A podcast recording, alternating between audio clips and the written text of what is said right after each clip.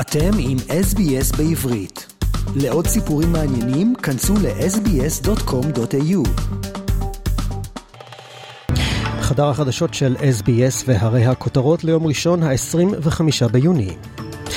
המרד ברוסיה נבלם, ופריגוז'ין השיג את כוחותיו מרוסיה ויעבור לבלארוס, זאת לאחר היממה הדרמטית ברוסיה, שבה קבוצת וגנר הגיעה עד לפאתי מוסקבה.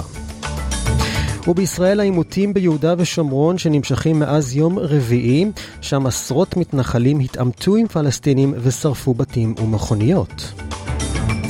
ובארצות הברית, שם נמצאו שרידי הצוללת טייטן, שעלתה לכותרות בשבוע שעבר, זאת לאחר שהקשר עימה נותק וכל חמשת נוסעיה נספו.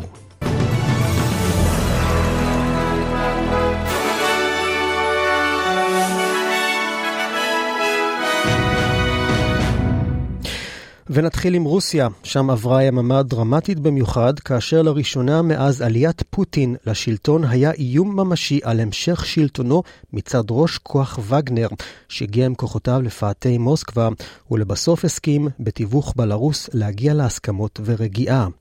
לראשונה מאז עליית הנשיא ולדימיר פוטין לשלטון היה איום ממשי על המשך שלטונו, זאת לאחר שראש קבוצת שכירי החרב וגנר, יבגני פריגוז'ין, פלש לרוסיה, כבש ערים והגיע במהירות לפאתי הבירה מוסקבה, שם נערכו למצור והכריזו על משטר נגד טרור.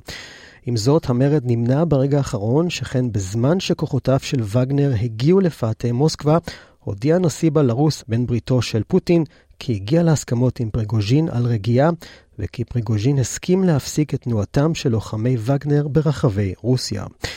פריגוז'ין אישר את הדברים בעצמו ומסר כי נתן את הפקודה להשיג את כוחותיו כדי למנוע שפיכות דמים רוסית. בהמשך עדכן הקרמלין כי במסגרת ההסכמות פריגוז'ין יעבור לבלארוס וכל האישומים נגדו ונגד חייליו יבוטלו. בהודעה לתקשורת מסר פרגוג'ין כי הוא לא מעוניין בשפיכות דמים מצד הרוסים, ושכוחותיו ייסוגו לבסיסים כמתוכנן. הנה דבריו. Understanding responsibility for the chance that Russian blood will be spilled on one side, we are turning our columns around and going back to field camps as planned. לאחר שנודע על דבר הנסיגה, הוסרו כל המגבלות, התנועה והמחסומים מהכבישים המהירים ברוסיה, ביום שבת לאחר הצהריים נראו חיילים רוסים מקימים עמדות מקלעים בדרום מוסקבה, בקרבת כביש מהיר שנחסם לתנועה. ראש העיר מוסקבה קרא לתושבים להישאר בבתים ככל שניתן ולהימנע מנסיעות ברחבי הבירה. גם בישראל עקבו מקרוב על הנעשה ברוסיה, וראש הממשלה בנימין נתניהו קיים אמש הערכת מצב בעקבות האירועים ממשרדו בירושלים. הוא ציין בסוף הדיון כי מדובר בעניין רוסי פנימי ולישראל אין מעורבות בו, אך היא תמשיך לעקוב מקרוב אחר ההתפתחויות. בדיון שהתקיים לאחר שמשרד החוץ פרסם אזהרת מסע לרוסיה, השתתפו בו בין היתר גם שר הביטחון יואב גלנט, שר החוץ אלי כהן, ראשי מערכת הביטחון, יושבות הסוכנות היהודית וגורמים נוספים.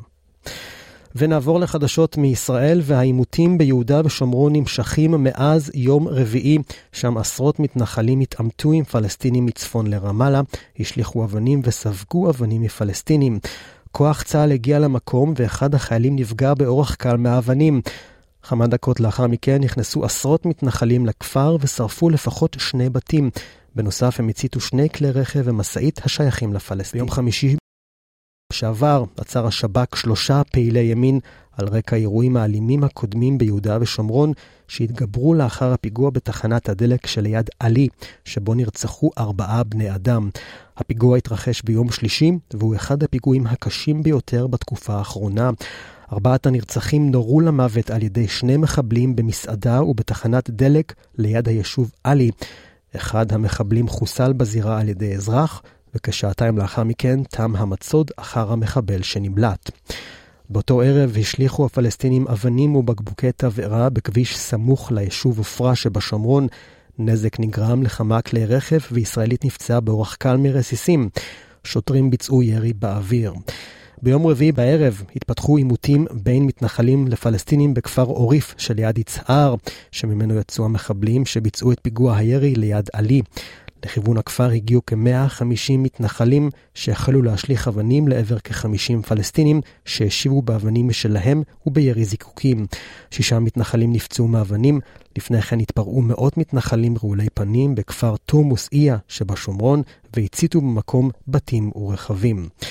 כחלק מסיכול פיגועים נוספים בשבוע שעבר, צה"ל תקף מהאוויר באמצעות מטוס זעיר ללא טייס, רכב שבו הייתה חוליה של שלושה מחבלים, שירתה לעבר מעבר ג'למה ליד ג'נין. מדובר בחיסול הראשון מהאוויר ביהודה ושומרון זה 17 שנה.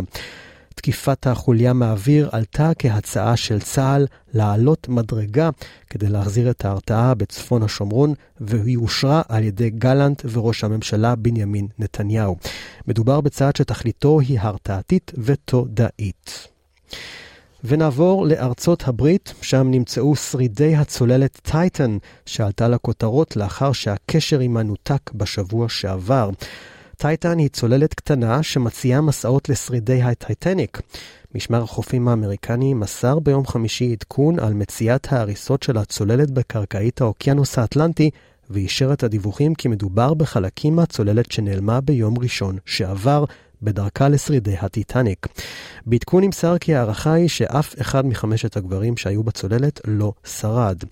מבצע החיפושים הנרחב התנהל בעומק האוקיינוס כ-690 קילומטרים מחופי קנדה, ובו השתתפו ספינות סוחר שעברו באזור וגם ספינות מיוחדות שנהנו לקריאה לסייע בסריקות, שנושאות עליהן ציוד מיוחד ומתקדם.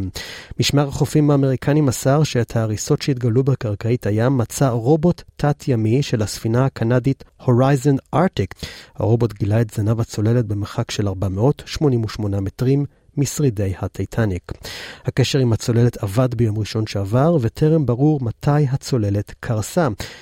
חמשת האנשים שהיו בצוללת הם המיליארדר הבריטי חובב ההרפתקאות המיש הרדינג, החוקר הצרפתי פול הנרי נרז'ולה, שנחשב למומחה לענייני הטיטניק, איש העסקים שהזאדה דאווד ובנו סולימן, המשתייכים לאחת המשפחות העשירות ביותר בפקיסטן, ומנכ"ל אושן גייט, שבבעלותה הצוללת סטוקטון ראש, שהיה גם זה שנהג בצוללת. ונעבור לסין. הרשויות בסין דיווחו ביום חמישי כי 31 בני אדם נהרגו ועוד שבעה נפצעו בפיצוץ עוצמתי שאירע במסעדת ברביקיו בעיר ינצ'ואן, בצפון מערב המדינה. זאת בעקבות דליפה של גז בישול. לפי הדיווחים בסין, הפיצוץ אירע במסעדה פופולרית בעיר ובשעת עומס, ובין ההרוגים יש גם תלמידי תיכון ופנסיונרים.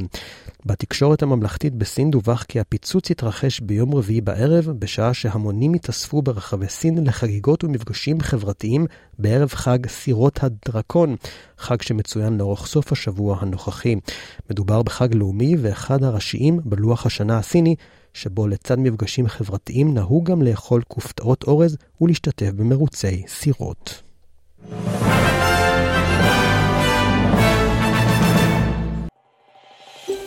רוצים לשמוע עוד סיפורים? האזינו דרך האפל פודקאסט, גוגל פודקאסט, ספוטיפיי, או בכל מקום אחר בו ניתן להאזין לפודקאסטים.